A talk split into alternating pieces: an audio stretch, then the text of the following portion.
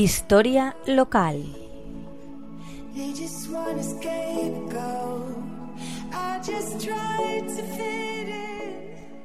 Buenas tardes, amigos de la Tegua Radio. Hoy vamos a hablar de la construcción del Teatro Principal de Monóvar. Vamos a retroceder un poco en el tiempo para situarnos en la mitad del siglo XIX, del que todavía nos quedan muchas cosas por contar. En esta segunda mitad del siglo, Monóvar pasa por unos momentos de esplendor económico, gracias a una burguesía agraria y adinerada y a unos empresarios vinícolas que se dedicaron a embellecerla. Para contaros la historia de la construcción del teatro principal de Monóvar, me voy a basar en la investigación que mi amigo Paco Corbí Jordá llevó a cabo y que culminó con la publicación en el año 2002 del libro El Teatro Principal de Monóver.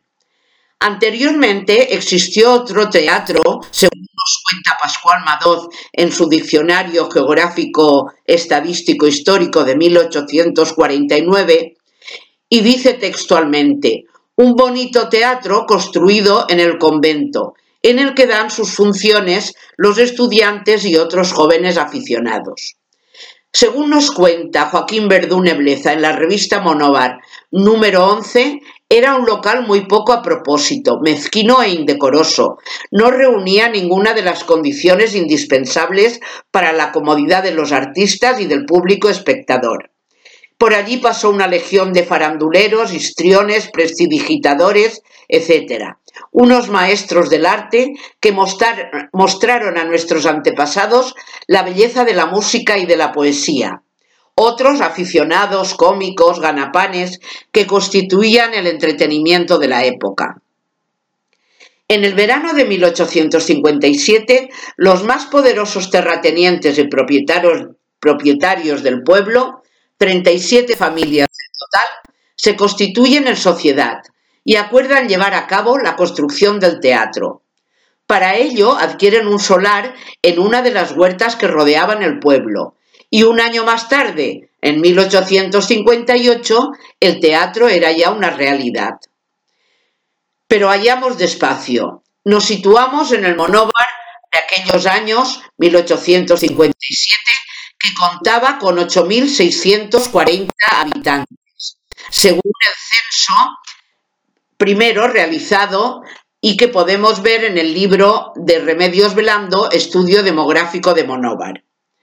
Gracias a que se conserva un documento titulado Extracto del título posesorio del Teatro de Monóvar, podemos leer la lista completa de socios que formaban parte de la sociedad, con el número de acciones que pertenecían a cada uno de ellos.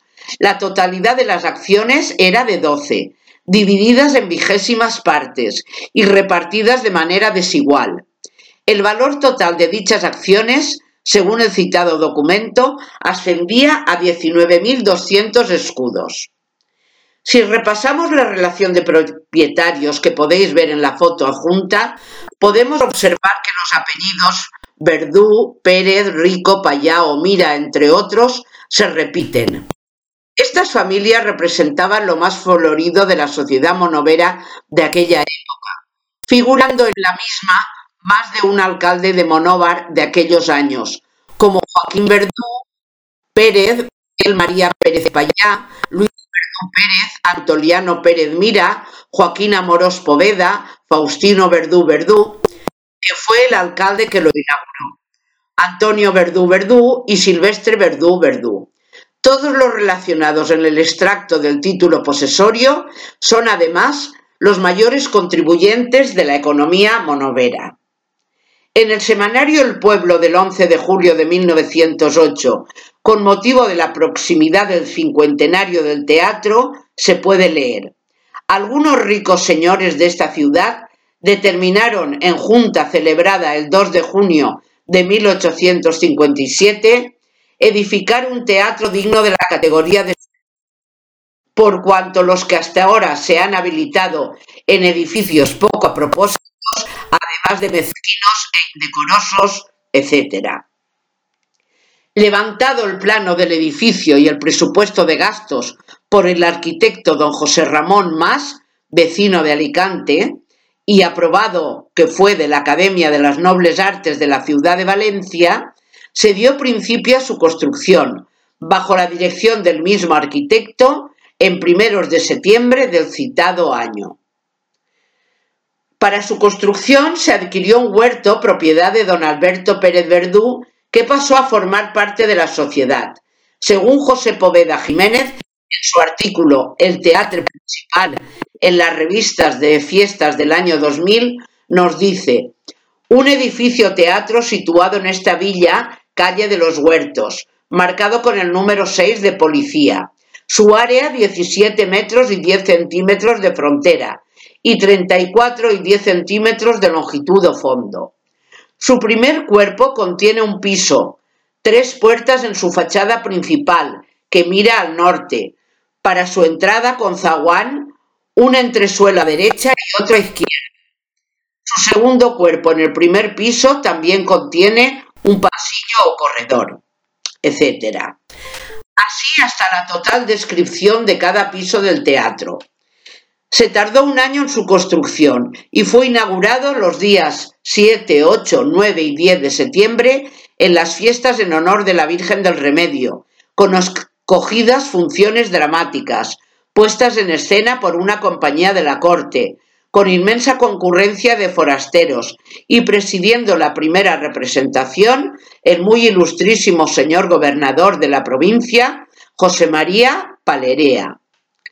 Las bellísimas decoraciones y telón de boca fueron obra del distinguido pintor de Barcelona, José Planella, la maquinaria dirigida por don Luis Alemán de Alicante, los hermosísimos quinqués de doble presión para el alumbrado fueron regalados por don José de Salamanca, en memoria de su paso por Monóvar como alcalde de esta ciudad.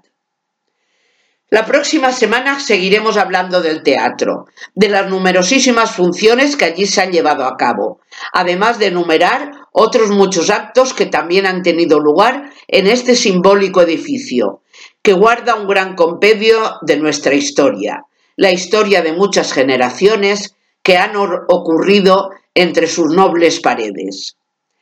Hasta entonces, un saludo amigos de la Tegua Radio.